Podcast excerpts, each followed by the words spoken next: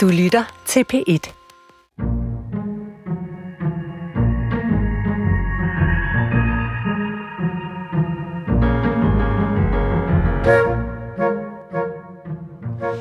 Hvem afgør egentlig, hvad der er god dansk litteratur?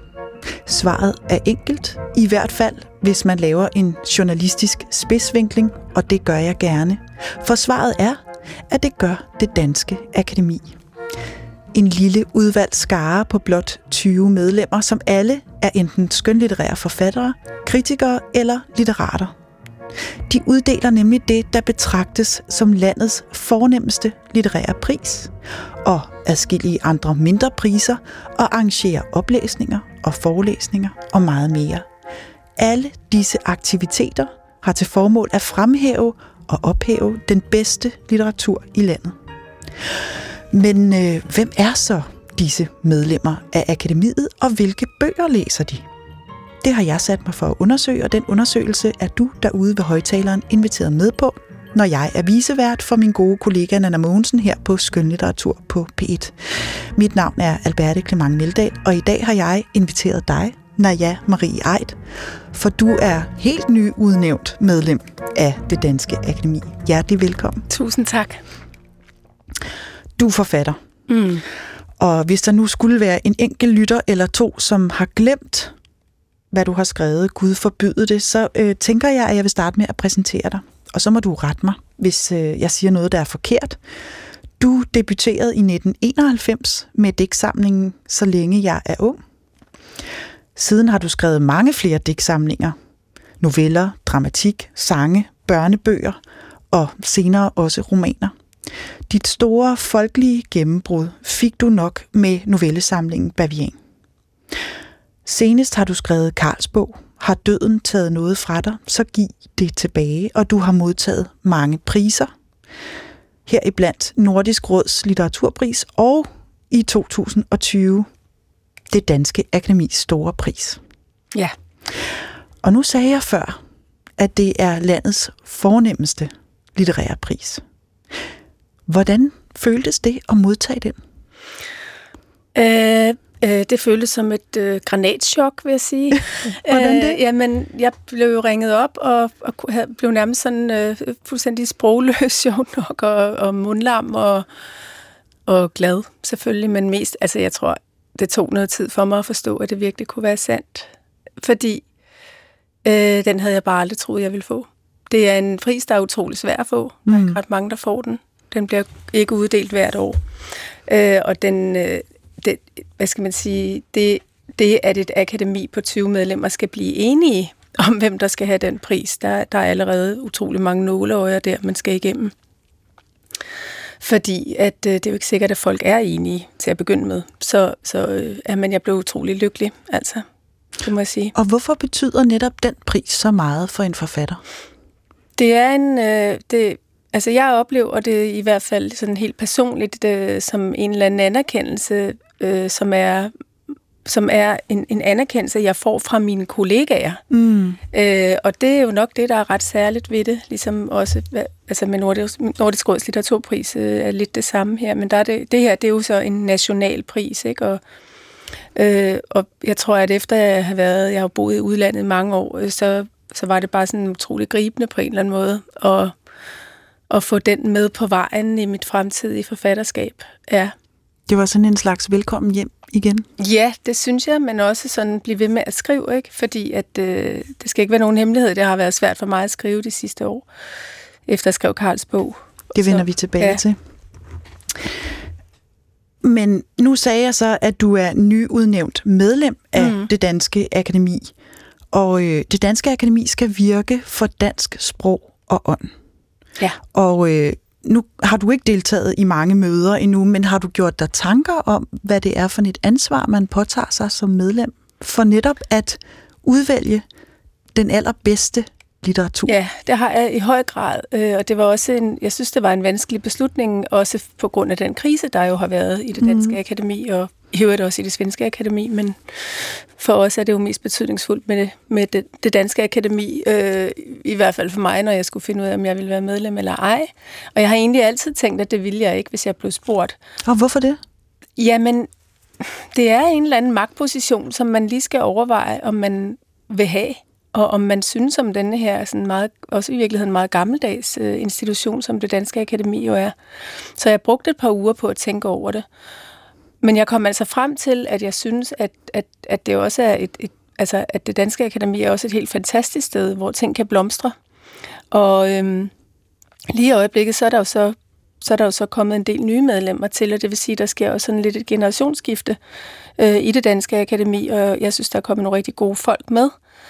Jeg blev faktisk spurgt før de andre blev spurgt, så jeg, jeg vidste ikke rigtigt, hvordan fremtiden ville være der, men, men øh, min konklusion var, at det at kunne uddele priser til danske forfattere, som er dygtige og fantastiske.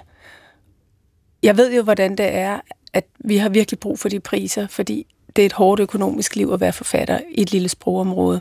Og, og det skal siges, at den store pris for eksempel udløser øh, et beløb på 300.000. Ja.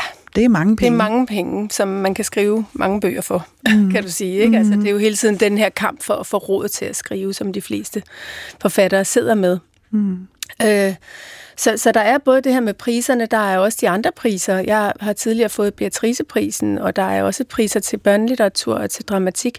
Så altså, øh, der er de her fantastiske priser, som både er et klap på skulderen, men som også er nogle penge, reelle, nogle reelle penge. Det er nogle pænt store legater.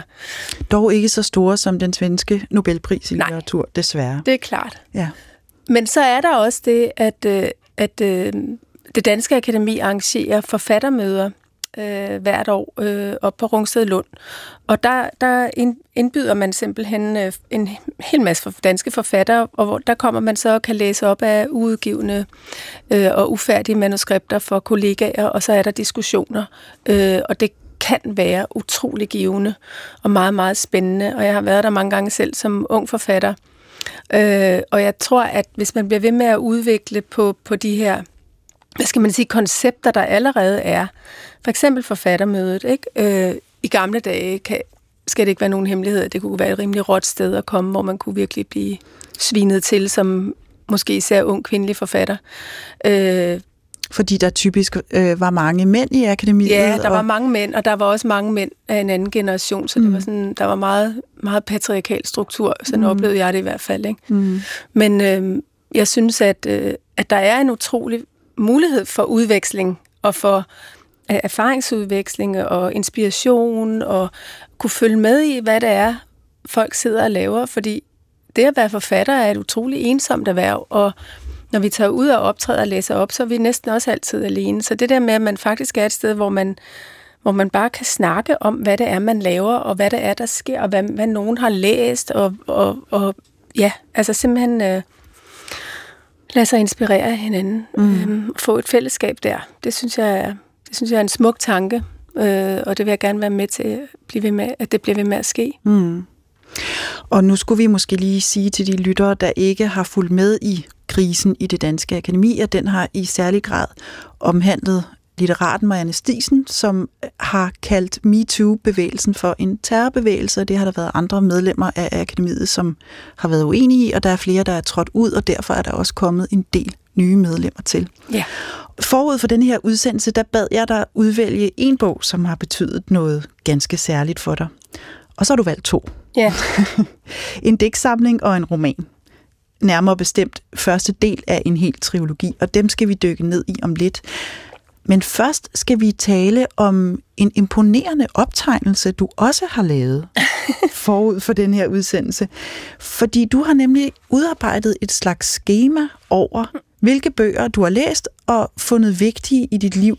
Og jeg får helt lyst til at forstørre den og indramme den, fordi det er jo en meget interessant måde at beskrive et menneskeliv på, mm. tænker jeg. Vil du ikke fortælle lytterne, hvordan dit schema ser ud? Jo, altså jeg havde sådan måske lidt præstationsangst øh, over at skulle ind, fordi at det handlede om at læse, og, og jeg har det altid svært ved at huske titler og navne, så derfor så gik jeg sådan lidt i panik og tænkte, nu bliver jeg lige nødt til at gøre et, lidt, et lille grundigt arbejde her, og prøve at tænke over, hvad er det egentlig, jeg har læst gennem mit liv, mm. og hvad er det egentlig, der har betydet noget for mig. Og, og så var jeg nødt til ligesom at stå og stige ret meget på min bogreol og øh, google lidt og sådan noget for at huske titler fra, fra fortiden. Men øh, det var alligevel meget interessant at prøve at se, hvad var det egentlig for nogle bøger, der... Hvad er det, der har, der har skolet mig, kan man sige, eller præget mig også i forhold til, hvordan jeg måske selv skriver? Mm. Og hvordan strukturerede du det? Jamen, jeg strukturerede det ved først med noget med noget barndom, og altså øh, de første de første voksenbøger, jeg læste sådan i tidlig ungdom. Og så kom jeg frem til sådan den ungdommen 20'erne, og kom frem til 1990'erne, som var mine 30'ere. Øh, og så kørte jeg så hele vejen op til, jeg havde så også med, hvad jeg læste, mens jeg boede i New York, hvor jeg har boet i 11 år. Og så havde jeg unge danske, der har betydet noget for mig, og min egen generation. Så Ja, vi behøver slet ikke at tale om det hele, men i hvert fald kan jeg sige, at, at nogle af de første bøger, det er jo nok ikke så overraskende, som jeg blev præsenteret for som sådan et stort barn, det var blandt andet Silas-bøgerne af Cecil Bygter, og dem har jeg læst op for mine egne børn, fordi de er fantastiske. Altså det synes jeg, det er noget af det, stadigvæk noget af det bedste børnelitteratur, vi har på dansk. Og var de enige i dine børn? Ja, ja. de var meget glade for dem. Øh, så læste jeg, jeg boede på Vesterbro, så jeg læste selvfølgelig Tog Ditlevsens digte. Det var noget af det allerførste, jeg sådan læste, som ikke var for børn eller for store børn, for unge. Mm. Øh, Vita Andersen. Mm. Øh, og så den første roman, som jeg læste, som virkelig sådan tog fat i mig, det var, det var faktisk Øst for Paradis af John Steinbeck. Øh, og der kan jeg ikke have været meget mere end sådan 12 eller sådan noget, tror jeg. Nå, det var imponerende. Ja, og den læste jeg en sommerferie, og jeg kan stadig sådan huske fornemmelsen i kroppen af sådan, wow, der findes en kæmpe verden derude, som jeg ikke forstår, og det der voksenliv, ikke? Jeg synes, det var sindssygt spændende. Altså, det Men var det må sådan, have været en meget mystisk bog for, for en 12-årig barn. Bog. Ja. Det var det. Den var, den var fyldt ligesom af hemmeligheder, ikke? Hmm. Den har jeg faktisk forsøgt også at læse for mine børn. Der fandt jeg så også ud af, dels at den er utrolig gammeldags, øh, men også meget, meget snørklet og ja, de, de bed i hvert fald ikke rigtigt på krogen, lad mig sige det på den måde. Men den gjorde sindssygt indtryk på mig, og det var den, der ligesom satte gang i, i læsningen af voksenprosa, kan du sige. Ikke? Mm. Øhm, ja, og så, så kom sådan, hvad skal man sige, øh, øh, ungdommen, og altså jeg fik jo allerede mit første barn, da jeg var 18, så, så der blev jeg sådan voksen, synes jeg selv i hvert fald. Og der begyndte jeg at læse alt den der sådan, hvad skal vi sige, den danske, øh, ja, også socialrealisme i en eller anden forstand. Jeg læste Trier Mørk, jeg læste Christian Kampmanns øh, store serie om familien Gregersen. Mm. Øh, jeg begyndte at læse Sten Stensen Blikker, I.P. Jacobsen, øh, jeg læste salmer, eventyr, øh, stiftede bekendtskab med Doris Lessing, begyndte også i slutningen af 20'erne at læse Camus og Sartre. Øh, jeg læste eventyr, jeg læste Dostojevski, Nabokov, øh, kvindelitteratur, som det hed dengang, Erika Jong, Luft under vingerne, som mm. alle, altså sådan nogle bøger, jeg også ligesom, som min mor læste, som jeg så fik på en eller anden måde, en, der hedder Kvinder af Marilyn French. Den læste jeg, da jeg var 17 år, kan jeg huske. Øh, og så øh, Kvindernes bog af Jytte Rex, som jeg gerne vil sige er en af de bøger, der har betydet rigtig meget for mig. Det er den vildeste bog, og jeg kan kun anbefale, at man læser den. Og hvad handler den om? Ja, den har jeg ikke altså, læst. det er simpelthen en Jytte Rex, der faktisk lavede radio. Mm. Og øh, fik en masse kvinder ind for at fortælle deres historier. Og nogle af dem fortæller sådan fuldstændig drømmende og syrede og Øh, nogen fortæller meget konkret, nogen fortæller om barndom, nogen fortæller om at være gammel, nogen fortæller om sex, og nogen fortæller om kærlighed og arbejdsliv og alt muligt. Det at være mor, øh, øh, det at være øh, det ikke at have selvtillid, det at have for meget selvtillid. Altså, der, der, man kommer ligesom rundt om hele menneskelivet på en eller anden måde, men på sådan en utrolig, utrolig smukt, øh, smukt kurateret måde. Mm. Øh, og den, øh, ja, Altså, den er bare fuldstændig fantastisk. Men, den er, og den er genudgivet for nylig, så man kan faktisk få den. Ja, men den okay. gjorde virkelig indtryk på mig, også fordi den er sådan genre-sprængende på en eller anden måde. Mm. Øh, noget, som jo egentlig også har kendetegnet mit forfatterskab, ikke? at jeg har bevæget mig i mange, mange genrer og også skrevet flere værker, hvor, hvor jeg blander genrerne. Men, men når du nævner de forfattere, altså Dostojevski, Camus, mm. Sartre og så videre, så, så lyder det også som om, at du har været meget øh, pligtopfyldende i forhold til at læse øh, det, der er den store sådan, verdenslitterære mm. kanon, mm. Øh, og også orientere dig i dansk litteratur, sådan, så du fik et godt grundlag. Er det, er det, sådan, du har udvalgt dine bøger? Nej, sådan husker jeg det ikke. Altså, jeg husker det meget som lystlæsning egentlig, ikke? Altså, og også sådan lidt tilfældigt, hvad jeg egentlig fik fingre i, fordi at jeg debuterede jo først, da jeg var 27, og jeg har ikke nogen universitetsuddannelse, og jeg jeg havde et job på et kontor, og havde nogle rengøringsjobs, og fik jo børn meget tidligt og sådan noget, og har altid, men har altid læst sindssygt meget, både som også, og mine forældre har også læst meget for mig. Øh, så det har altid været sådan en del af mit liv, men også meget noget med at gå op på biblioteket, og så, var der, så sagde bibliotekaren, prøv at læse den her, ikke? Eller min far sagde, har du egentlig læst Stil Stelsen Blikker? Nej, det har jeg ikke. Nå, så her er hans noveller, og så var det mm. bare sådan, wow, altså sindssygt, ikke? Øhm, så så, øh, så der har ikke været sådan en egentlig systematik? Nej, eller? det har der ikke. Nej. Det har der ikke, og det er faktisk øh, en ting, jeg er ret glad for på en vis måde, at jeg har altid læst utrolig bredt. Mm. Altså jeg har også læst kulørt, øh, og læst sådan virkelig svær lyrik, og, eller hvad man skal sige, en svær lyrik, ikke? men det folk opfatter som vanskeligt. Øh, så jeg har, det har meget været min lyst, der har drevet værket, altså hvad jeg, at jeg kan altså hvis jeg bliver optaget af et eller andet, så bliver jeg vildt optaget af det. Og det er jo nogle gange svært at sige, hvorfor er det lige, man bliver det, altså af en bestemt forfatter, eller måske kun af, af en eneste bog i et forfatterskab, ikke? Hvorfor er det noget, hvorfor rammer det en ja. øh, så vildt, ikke? Altså, man kan sige som ung menneske, der også egentlig gerne selv vil skrive og blive mere og mere bevidst om det øh, op gennem begyndelsen af 20'erne der, at der er det klart, der var det også sådan meget, hvordan, hvordan, hvad er det, han gør, eller hun gør? Altså sådan et for, indblik i håndværket ja, simpelthen? Ja, simpelthen. Hvordan, hvordan kan jeg få den her følelse af at læse de her linjer? Mm. Hvordan kan jeg blive manipuleret på den her måde? For eksempel, da jeg læste Troldmanden af John Fowles, ikke? Altså, at, hvad, hvordan kan jeg, hvad gør han ved mig? øhm, og det synes jeg var, altså, hvordan kan man gøre det på et stykke papir med nogle små tegn? Mm. Ikke? Hvad er det? Så, så man kan sige, at den der sådan gryende øh, interesse for, hvad stil er, hvad form er, hvad greb er, hvad sprog er, øh, øh, og hvordan man hvordan man også manipulerer sine læser i virkeligheden. Er, er øh, du blevet mere, mere og mere interesseret i. Men, men er du blevet er det blevet tydeligere for dig? Er det blevet mindre et mysterie for dig, hvordan det så er en forfatter gør øh, i kraft af at du har læst mere og mere og selv skrevet mere og mere, eller er det stadigvæk svært for dig egentlig at sætte ord på, mm. hvorfor en bog, en, et digt, altså både og, dig særligt? Både og, vil jeg sige, fordi jeg kan jo godt, jeg kan godt forstå, hvorfor at et stykke litteratur øh, rammer sin læser på en bestemt måde, fordi det har noget at gøre med de ting, vi lige har, jeg lige har sagt. Mm. Ikke?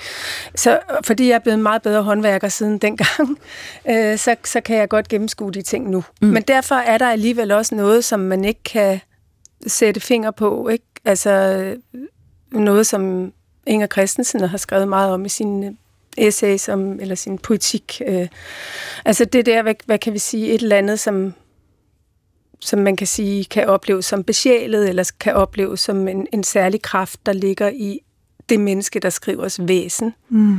eller det menneske, der skriver indsigt eller adgang til nogle rum, som, som bare ligger sådan og svæver i teksten, uden at du rigtig kan forstå, få fat i dem. Ikke? Øh, det, det, sådan tror jeg altid, det vil være. Så der er altid et eller andet, man ikke kan beskrive? Altså, øh, der er et, et eller væsen, andet, som bare er ja, et væsen.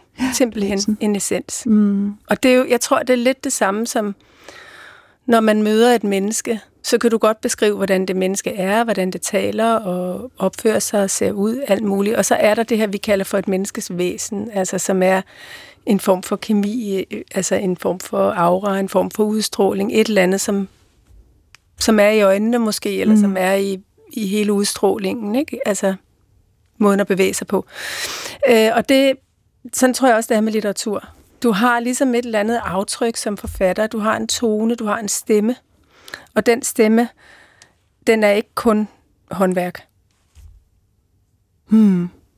din mildest talt imponerende optegnelse over den litteratur, du har læst, fortsætter og fortsætter. Og det bliver jo nok desværre lidt for omfattende, hvis vi skal tale om alle bøgerne. Og her mener jeg altså virkelig desværre, så jeg synes bestemt, du skal overveje, om du kan få udgivet optegnelsen til glæde for alle os andre. Jeg synes, vi skal dykke ned i det værk, som du har valgt, at vi skal tale særligt om i dag. Det er den ungarske forfatter Agota Kristofs Det store stilehæfte, som er den første del af en romantriologi. Christoph står på din liste under 1990'erne, og det er der, du selv debuterer. Og inden vi taler om den, så synes jeg lige, vi skal høre min kollega Sissel Finderups præsentation af Agota Christoph. Den kommer her. Agota Christoph er ikke en forfatter, som mange danskere har læst. Hun har ellers modtaget en lang række fornemme litterære priser, både fra Østrig, Italien og Schweiz, så man kan med rette kalde hende en stor europæisk forfatter. Szönesvécsút. Csak le akarod győzni a fájdalmat. A hideget. Hovedværket Det Store Stilehæfte beskriver 2. verdenskrigs grusomheder fra et ungarsk tvillingepars perspektiv, men skriver samtidig også en del af hele Europas blodige og traumatiske krigshistorie. A városban az emberek gyengék. Könnyen meghalnak. De mi erősek. Der er heller ikke skrevet meget om Agota Christoffs biografiske liv. Hun blev født i 1935 i en lille landsby i Ungarn, men flygtede til Schweiz, da hun var 21. Her blev hun boende frem til sin død i 2011. Men et er sikkert. Agota Christoph var et skrivende menneske, og hun holdt meget af sprog. L'arrivée chez grand-mère. Fortællingen går, at da hun flygtede til Schweiz med sin mand og deres fire måneder gamle datter, havde hun to kufferter med. En med blæer og babyudstyr, og en med ordbøger. Et nous deux, chacun une petite valise avec ses vêtements. Hendes romandebut kom først, da hun var 50 år. Det var i 1986, at romanen Det store stilehæfte udkom, og den blev lynhurtigt en stor succes og oversat til en række europæiske sprog. Før debuten skrev hun både digte og dramaer, som blev opført i radioen og udkom i aviser og tidsskrifter. Agota Christoph beskrev sig selv som en ungarsk forfatter, der skrev på ungarske erfaringer. Men det, hun blev kendt for, var at skrive på fransk. Nous marchons sans parler. Notre mère au milieu entre nous deux. Det lidt skrabede sprog, der kom ud af, at hun ikke skrev på sit eget modersmål, gjorde hende til en enestående fransksproget forfatter med veje betydning for europæisk litteratur. Nous contournons la maison, nous nous accroupissons sous une fenêtre d'où viennent des voix. La voix de notre mère. Naja Marie Eit, hvorfor har du valgt, at vi skal tale om det store stilehæfte? Ja, det har jeg, fordi at øh, det var den bog i 90'erne, som gjorde mest indtryk på mig. Og det, hvis jeg skulle vælge en bog som min yndlingsbog af alle de bøger, jeg har læst, så ville det være den. Hmm.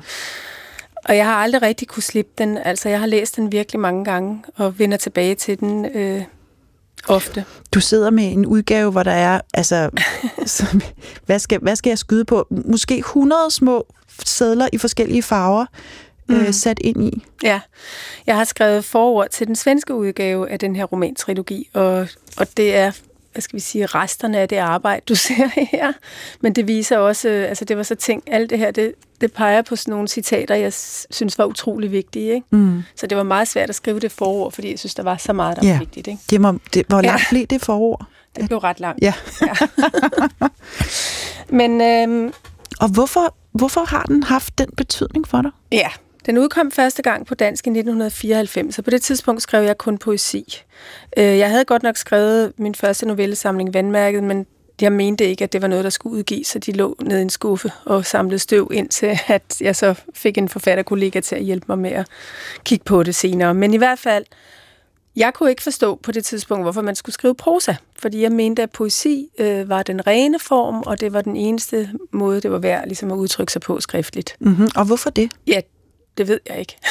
Det var en fix idé. Ja, det var en fix idé, men det var nok også en meget sådan ungdomlig... Øh, mm, altså, jeg tror, det var sådan ligesom den her følelse af, at litteraturen var, var ophøjet. Altså, at den skulle være altså næsten guddommelig på en eller anden måde, at den skulle være, den skulle være ren, den skulle være renset for grums og for mange ord og for meget tegnsætning og alle de der ting, at den skulle ligesom bare stå klart som, altså i digtform, ikke? Mm. At, øh, at, altså, og så sådan noget med, at det var den første måde, vi begyndte at udtrykke os på som mennesker. Det har altid været verset og al, alle sådan nogle ting. Men selvfølgelig også bare simpelthen, fordi jeg selv var optaget af poesi og skrev poesi. Altså, måske var det i virkeligheden den sande grund.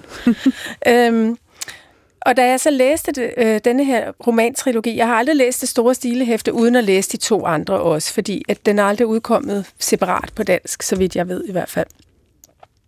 Så var det bare en øjenåbner, og en, altså ligesom at blive ramt af lynet på en eller anden måde, hvor jeg forstod, hvorfor man skal skrive romaner, og hvorfor man skal skrive prosa. Hvad er det, prosaen kan? Det var ligesom det første. Øh, og så er det bare en sindssyg historie. Altså, den, det er en... Altså, jeg ved snart ikke, hvor jeg skal ende og begynde, når jeg skal tale om den her bog, fordi den handler jo om to drenge, der hedder Claus og Lukas, og der kan vi jo allerede se anagrammet, øh, fordi det er jo de samme bogstaver, der er i begge navne. Tvillinger, der kommer ud på landet til deres bedstemor, fordi der er krig, og moren følger dem derud og forlader dem. Og så vokser de op i, i, hos denne her virkelig, virkelig ondskabsfulde, frygtelige bedstemor. I dyb fattigdom, i en landsby, hvor alle kæmper for livet, og hvor man lyver, stjæler og bedrager hinanden for at skaffe sig lidt kærlighed eller lidt brød. Det er sådan dybest set, hvad skal vi sige, rammefortællingen. Mm. Så det handler om de her to drenges overlevelse der. Og det vilde ved den her bog, det er, at den er skrevet i vi-form. Altså hun har simpelthen skrevet de her tre bøger, og, og, og, og på en eller anden måde er det så enkelt, og det er bare så effektivt og så smukt. Den første er i vi-form, den næste er i tredje person, og den sidste er i første person. Så hun går altså fra viet over tredje personen og tilbage og til jeget. Øh, og når man har læst alle tre bøger, vil man finde ud af, at det også viser, at jeget er ingenting. Altså, at det er fællesskabet, det menneskelige fællesskab, som er det eneste, vi har, og kærligheden. Hvis der ikke er fællesskab og kærlighed, så er der ingenting. Det er dybest set det, som de her bøger handler om. Men de er så sofistikeret øh, øh, komponeret, kan du sige. Så jeg ser det nærmest som en stor bog, de her tre bøger. Hvis man læser kun det store stilehæfte, så vil man øh, få en losing.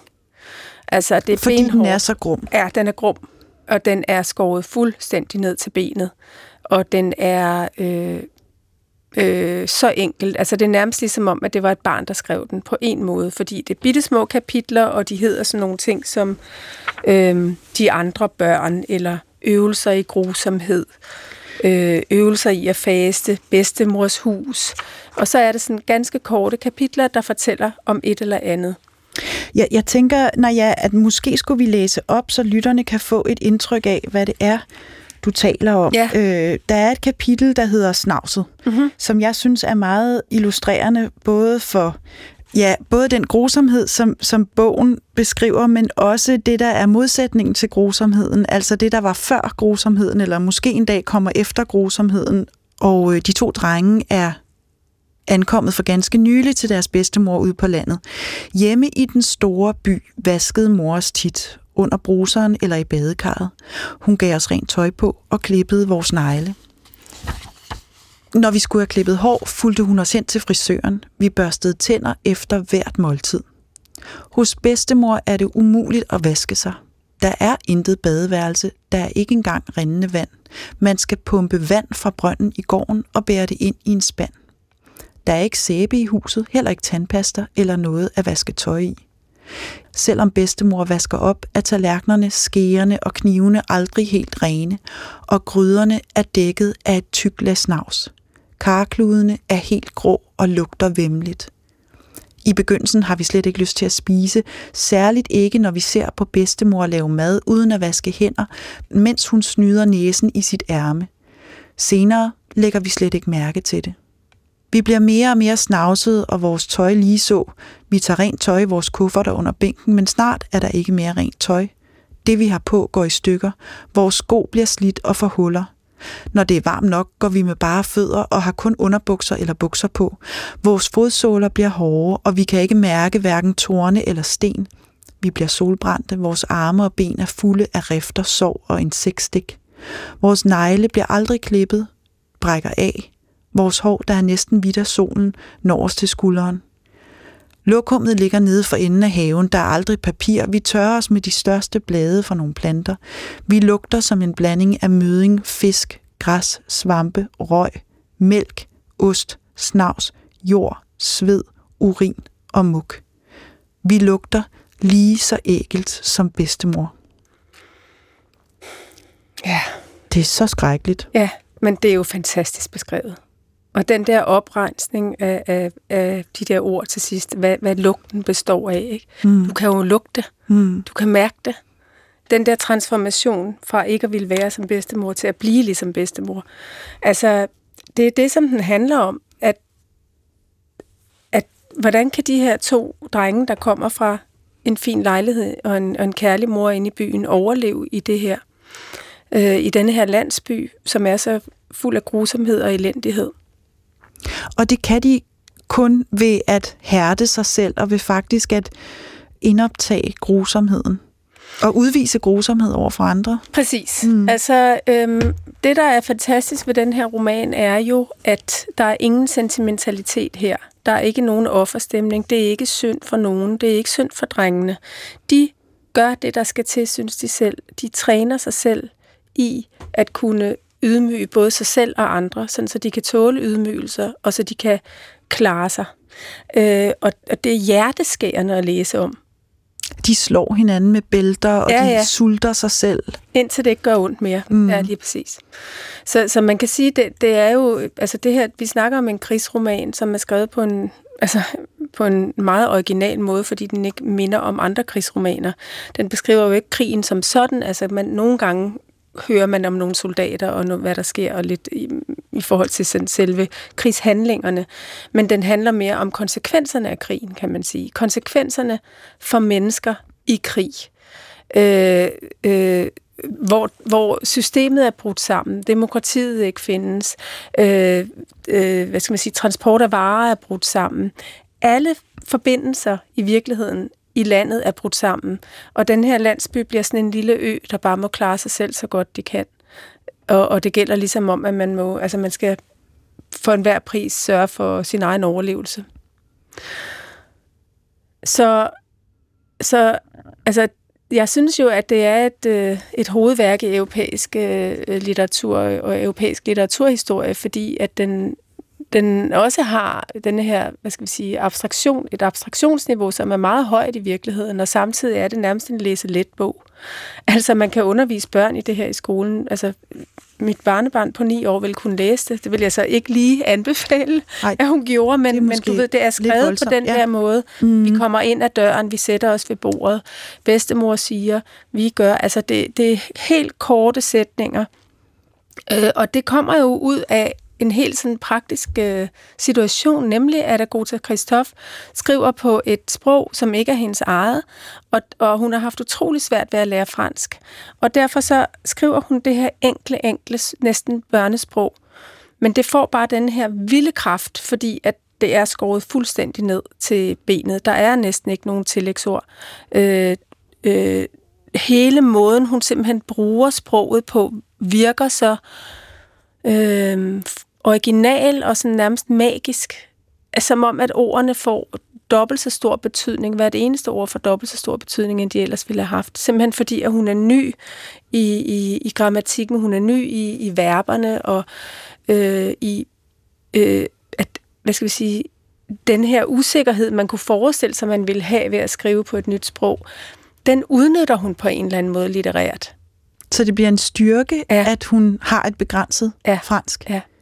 Jeg ved, der er et sted i bogen, øh, når jeg, som, som du er optaget af, hvor hun netop skriver om tvillingernes måde at bruge sproget på, som jo faktisk er illustrerende for den måde, hele bogen er skrevet på. Ja. Vil du ikke læse det op? Jo, det er fra det kapitel, der hedder Vores undervisning, og øh, tvillingerne, som jo ikke kan gå i skole i den her landsby, de går ned og har indkøbt nogle øh, stilehæfter, og det er dem, de skriver deres historie i, kan man sige.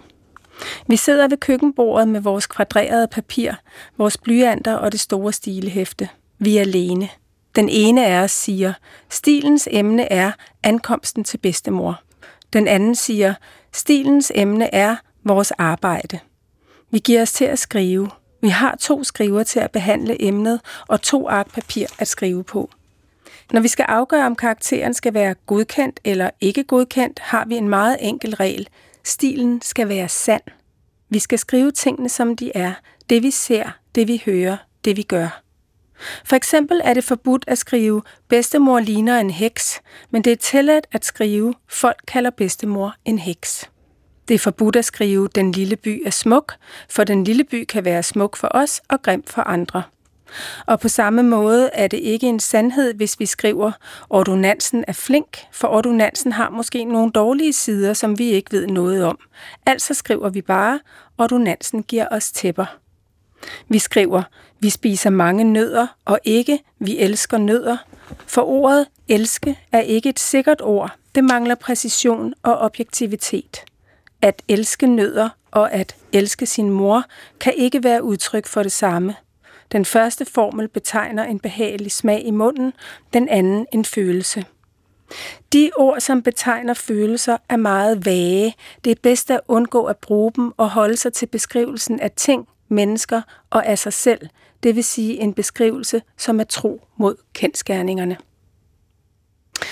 Så her der får vi så at vide, at alt det, vi faktisk sidder og læser, det er det store stilehæfte. Det er alle de stile, som øh, er blevet godkendt til at komme med i det store stilehæfte. Og vi får også at vide, at øh, eller vi får en forklaring på, hvorfor at de her stile er skrevet på den her måde. Mm. Det er en del af hærdelsen øh, i virkeligheden. Ah. Øh, det er en del af hærdelsen at bruge sproget på en bestemt måde. Ja. Altså, især det der med at elske, for eksempel. Ikke? Jo, at rense det. Rense det, ja. Og ikke være, altså skrive det sandt og objektivt, og som det er, uden at gøre det hverken skønnere eller hæsligere, end det er. Der findes ikke ret mange interviews, som er oversat til øh, engelsk med Agota Christoph. Øh, men jeg har læst i et af dem, at, øh, at det, hun skriver om, er jo meget selvbiografisk. Det er hun helt ærlig og åben omkring. At øh, det er hendes ungarske erfaringer. Mm. Har du været optaget af hendes eget liv? Ja, altså det er ret begrænset, hvad man kan finde ud af om det, men øh, jeg har undersøgt, øh, altså ligesom prøvet at finde ud af, hvad jeg kunne finde ud af.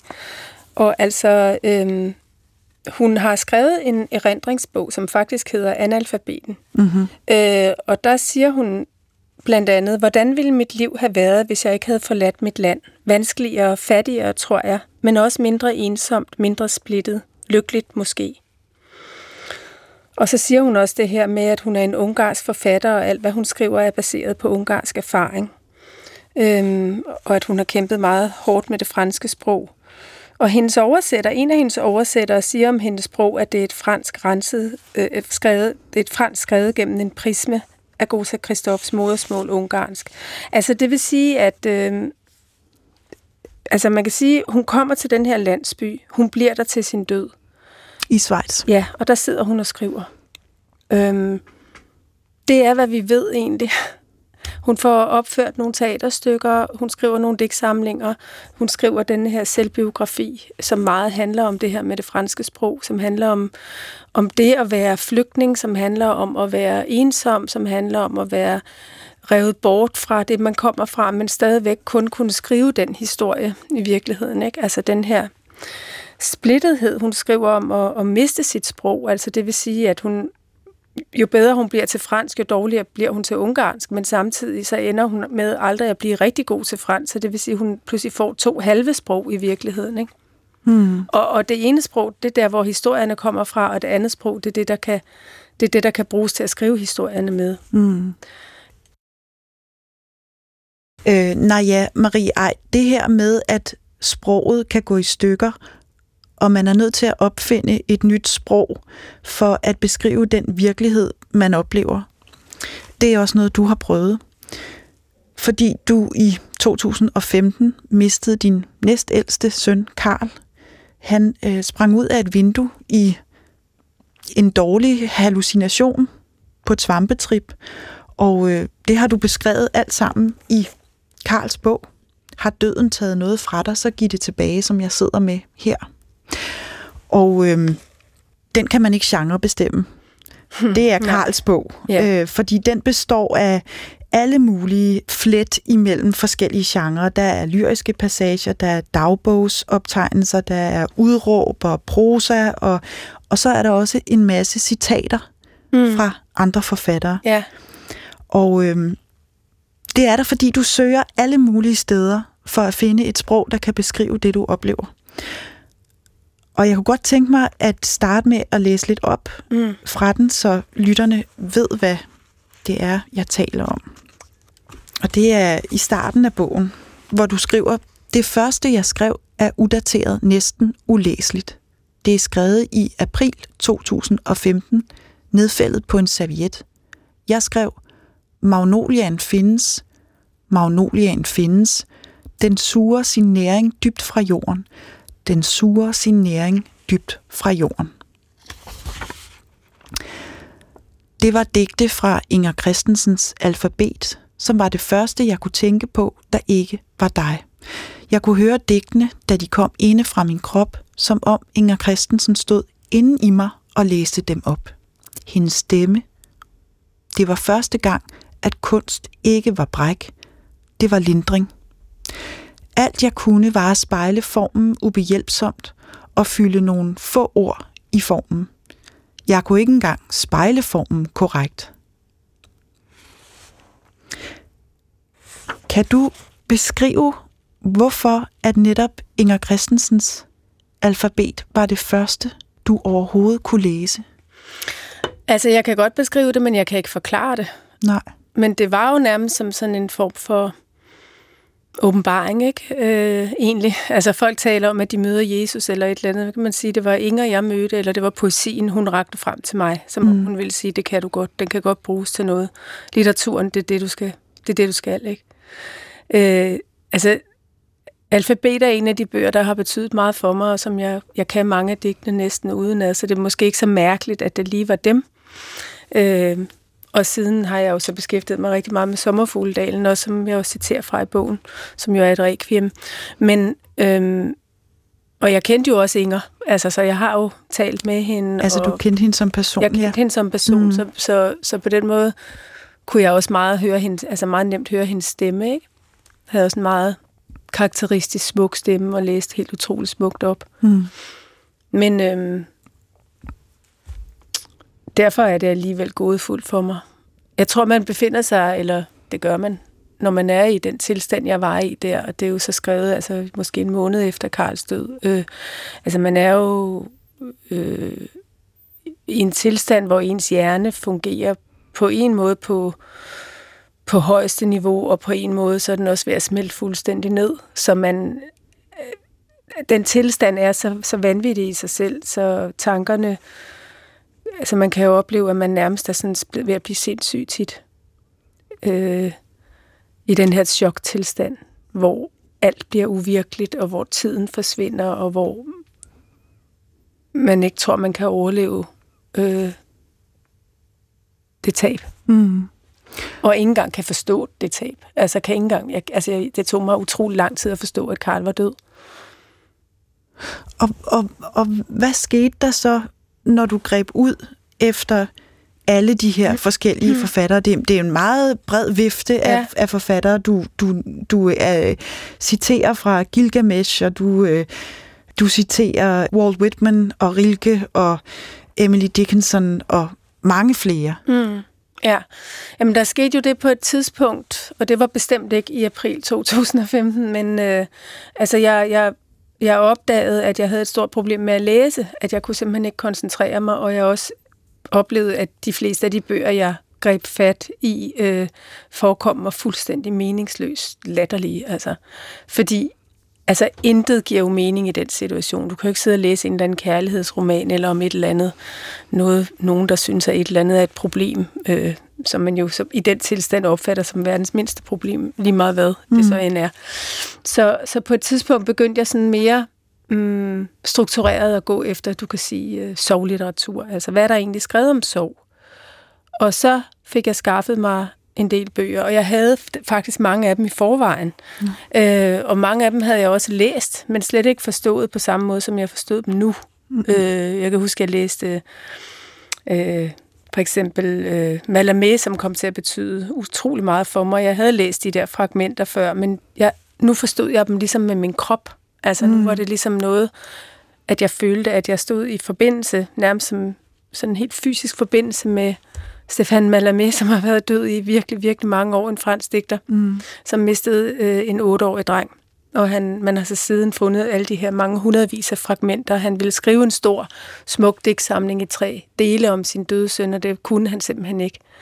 Så man har fundet de her fragmenter, hvor han nogle gange sådan stopper nærmest midt i en sætning, fordi han kan ikke skrive sætningen færdig, eller midt i en, et ord, midt i en linje. Og det var fuldstændig som at se det, jeg selv sad og prøvede at skrive. Det der med ikke at kunne skrive, altså at smerten er så stor, så man ikke kan skrive. Og selvfølgelig kan man ikke skrive. Altså, man kan jo hverken spise eller sove, så hvorfor skulle man kunne skrive? Men problemet er bare, at det der med at skrive, ikke at kunne skrive, det var noget, der ligesom fortsatte. Øhm, ja, så jeg, jeg læste, jeg greb ud efter litteraturen, som jeg har gjort hele mit liv, øh, og den kom mig til undsætning. Altså, øh, jeg fandt jo trøst og, og hjælp, og mest af alt fandt jeg, fandt jeg fællesskab, altså at, at jeg ikke var alene, at andre havde oplevet det, jeg oplevede før mig. Øh, og at når man går tilbage og læser Gilgamesh, øh, som er noget af det tidligste litteratur, vi har øh, tilgængeligt, øh, det handler jo også om døden. Det handler jo om øh, Gilgamesh, som, som mister sin, sin ven og øh, er fuldstændig ødelagt af sorg mm. og chok og smerte. Og den handler også om at det, at vi ikke kan forstå, hvad døden er. Ikke? Så, så jeg, altså, jeg tror, at man er, når man mister en, en, en meget elsket øh, person, så søger man jo i øst og vest for at finde mening og, og, og øh, for at forstå, hvad det her er for noget, og hvordan det kan være. Hvor kan, hvor kan personen være? Altså det, den menneskelige hjerne kan næsten ikke rumme det der med, at folk bare pludselig forsvinder, og man aldrig skal se dem igen, og man ikke lige kan sige et eller andet. Ikke? Altså, Ligesom jeg har det nogle gange nu med Pia Jul, hvor jeg tænker, det skal jeg lige ringe og huske at fortælle Pia. Ikke? Mm. Altså, selvom jeg ved jo godt med den erfaring, jeg har, hvad, hvad døden er. Men stadigvæk, vi, det tager os noget tid at forstå, mm. at folk er væk. Mm. Og, ja, men det var fantastisk at, at, at læse øh, sovlitteraturen, kan man sige, og også at dykke ned i, hvad er der for nogle ritualer i andre kulturer, hvad hvad gør man for at komme igennem den her tid? Hvad findes der? Findes der et håb på nogen måde? Øhm, øh, altså, i den tilstand der, som er så grusom, der er der også, der er der også, det lyder måske sindssygt at sige, men man får også adgang til en dybere, en dybere erkendelse, man får en, en dybere forståelse af livet og døden, når man er i den situation. Pludselig, altså jeg tror simpelthen, at man, man står mere åben, altså man vibrerer på en eller anden måde, sådan så at, at man også, altså ting trænger ind i en simpelthen på en anden måde.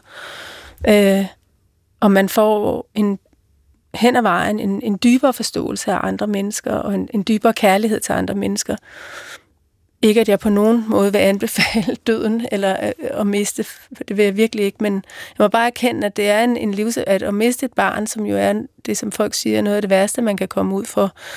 Øh, Øh, det er, øh, hvis man kan overleve det, så, så, så, så har man fået en livserfaring, som er meget dyb, mm. øh, og som gør, at, at man måske får en empati og en tålmodighed og alle mulige andre ting, som man ikke har haft før. Mm. Men også, også en irritation over små ting og folks små problemer og sådan noget. Ikke?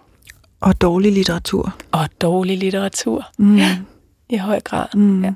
Der bliver, jeg har i hvert fald oplevet, at jeg er blevet meget selektiv med, hvad, hvad jeg gider at læse og se. Det gælder sådan set alle kunstgenre og altså alt, kan man sige, egentlig. Er det lykkedes dig at genskabe sproget til at beskrive den virkelighed, du er i nu? Ja, det tror jeg egentlig nok. Øhm, jeg tror, at, øh, at gå en af grundene til, at jeg ikke har skrevet en, en bog endnu. Altså, jeg har jo lavet forskellige samarbejder siden. Ja, altså, og en bog efter Karls bog. Ja, efter Karls bog, Ja. ikke? Ja. Altså, dels er den jo oversat til mange sprog, så jeg har brugt meget tid på at rejse rundt med den, og jeg har også lavet nogle samarbejder med andre kunst, kunstnere og kunstarter.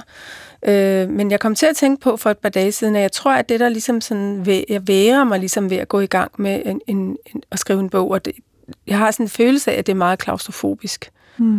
Øh, at jeg ikke overgår at gå ind i det rum. Og det tror jeg faktisk hænger sammen med, at det er jo den sidste oplevelse, jeg har haft, fordi det var så hæftigt at skrive Karls bog. Så på en eller anden måde tror min hjerne, den skal tilbage til det. Det skal den jo ikke. Så, så den erkendelse tror jeg måske faktisk kan bringe mig sådan rigtig tilbage til skrivebordet i virkeligheden. Altså, mm. og ligesom, skal ligesom opleve at få en ny frihed. Øh, efter at have skrevet sådan en bog, så skal man jeg hader det der med, at man skal videre, men man skal i hvert fald frem til et punkt, hvor man kan, hvor man kan se, se et andet sted hen. Altså, men også et sted hen, hvor der er noget, der reelt interesserer en, som man synes er så vigtigt, så man skal skrive en bog om det. Og det, det er der, hvor man kan sige, tror jeg, at jeg er blevet sådan lidt skadet, ikke? At før i tiden, så skrev jeg nogle noveller, og så skrev jeg om en, der gjorde dit, og en, der gjorde dat, og så kunne det være sådan og sådan. Og, og nu tænker jeg, hvad er der, altså, hvad skal jeg overhovedet skrive om? Er der noget at skrive om? Er der noget, der er vigtigt nok til, at jeg gider at bruge tid på det og energi på det? Gider jeg overhovedet skrive mere, ikke? Jo, men Og- gør og- du det? Fordi det ku- kunne jo også være en, en vej at vælge. Altså, øh, der kunne være et Ja. andet liv uden at skrive. Det kunne da godt, men samtidig så er det også bare det eneste, jeg kan. Og det er jo også det, som har været min redning gennem mit liv, og det er også det, jeg er god til. Altså, så, så det vil jo på en eller anden måde også være, være sindssygt ikke at, at, at bruge det talent. Jeg tror bare, jeg skal finde en måde at starte helt forfra på, fordi jeg kan aldrig gå tilbage til sådan, som jeg skrev før Karls bog. Og jeg kan heller ikke skrive, som jeg gjorde i Karls bog. Jeg skal ligesom genopfinde det hele. Og det er jo en enorm stor bevægelse. Øh, så du ved, når man debuterer som ung menneske, så har man haft hele sit liv, øh, som så kan være ret kort, men i hvert fald, det er det, man skriver fra. Man har måske 20 år bag sig. Jeg har stadigvæk kun knap 6 år bag mig i forhold til Karls død. Øh, så altså, hvornår, hvornår er der gået nok tid til, at jeg kan begynde at fortælle nogle andre historier? Mm. For du må tænke på, at jeg skal jo både hele som menneske, men også som forfatter. Mm. Og desværre, så er det jo tit sådan, at det sidste folk skriver, det er et requiem. Altså, Inger Christensen, hun skrev jo Sommerfugledalen som det sidste. Og hun skrev også andre ting, men som det sidste skønlitterære værk. Og man ser jo også de store komponister, der skriver et requiem til sidst, øh, før de dør, ikke? Altså, jeg har ikke tænkt mig at dø lige nu. Det håber jeg sandelig ikke. Men jeg skal, jeg skal virkelig, jeg skal ligesom bare have, have det, jeg ser det næsten for mig sådan helt fysisk, have vendt hele min krop mod øst eller et eller andet, øh, mod nord måske, men, mm. men i hvert fald min, min opfattelse af mig selv som skrivende, øh, skal jeg på en eller anden måde have styr på, mm. fordi det har jeg slet ikke. Man bliver jo ændret som menneske, når man mister et barn. Man mister meget af sig selv, også en hel masse hukommelse og øh, levet liv og alt muligt. Og, og det samme sker, når man er som forfatter, ikke? At man mister ligesom alt det, man har bygget op, det er pludselig ingenting værd mere. Mm. Det kan ikke bruges mere. Og det, det er jo et frygteligt handicap. Og det er jo sådan set også det, der ligger i titlen til bogen, altså at døden har taget noget fra dig. Og så foreslår du paradoxalt nok at give det tilbage. Ja, altså, altså det der med at give noget tilbage, det udsagn er jo lidt mærkeligt. Jeg kan huske, min yngste søn, han sagde sådan, "Jamen, hvem er det, skal døden have mere, end den allerede har fået? Hvad mener du med mm. det overhovedet? Ikke? Mm. Og det betyder jo egentlig bare det der med, at, at det du har fået, giver du videre. Altså det er jo sådan ret simpelt i virkeligheden. Ikke? Ja. Ligesom at det du får af din mor, så dør din mor, så giver du det videre også til dine egne børn. Ikke? At, at kærligheden, den, den går i arv, om jeg så må sige, og at, at, at døden tager noget fra os, men, og tager nogen fra os, men, men det, at de var her, må ikke være forgæves. Nej. Naja Marie Eid, hvis vi havde haft en time til i det her program, så ved jeg, at du ville have valgt også at tale om forfatteren Pia Jul, Ja. som du er en meget stor beundrer af. I to fuldtes ad gennem livet som forfattere, men også som bedste venner. Mm. Og Pia Jul døde pludseligt i september sidste år. Hun var medlem af det danske akademi, så måske kan man sige, at du løfter hendes arv nu. Men jeg tænker på, om ikke du vil læse et digt op fra hendes sidste digtsamling, som du har taget med. Den hedder Forbi. Og så lader vi det blive den smukke afslutning på vores snak om døden. Ja. Ikke? Jo, så gør vi det. Ja. Jo. Hvis de siger det en gang til, at døden er kold, går jeg under i fødsler, som heller ingen forstår eller kender, før de har været der. Jeg går ned over engen, det er morgen, skøn morgen, solmorgen, glitter, glimmer, duk, diset, dejligt. Jeg vil berede dig stor glæde, jeg vil være den bedste, jeg ved det, jeg ikke kan. Den største vil jeg være, den længste, den bedste, den højeste, den mindste, den tyndeste, den tykkeste, den skønneste. En morgen i engen, solmorgen, glitter, glimmer, duk, diset, dejligt. Og kvæget af statuer, glor med de bruneste, bedste, dummeste øjne. Jeg er en ko, jeg er kvæg, en af mange. Jeg ville tage toget fra Forborg. Jeg ville pludselig hjem midt om natten, men der var ingen tog fra Forborg, hverken dag eller nat. Jeg ville hjem. Jeg ville gå over engen igen. Tre millioner fugle er forsvundet. Jeg ser kun én vibe, der plejer at være fem.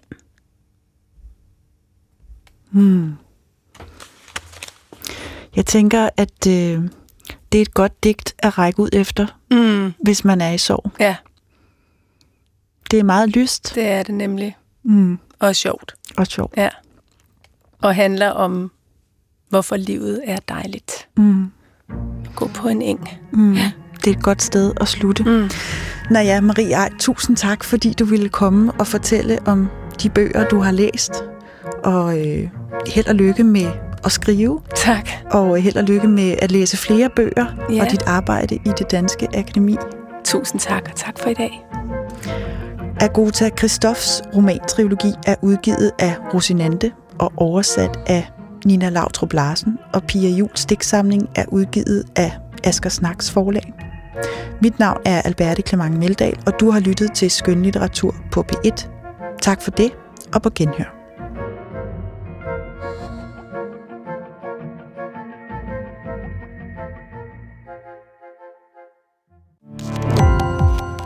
Gå på opdagelse i alle DR's podcast og radioprogrammer. i appen DR Lyd.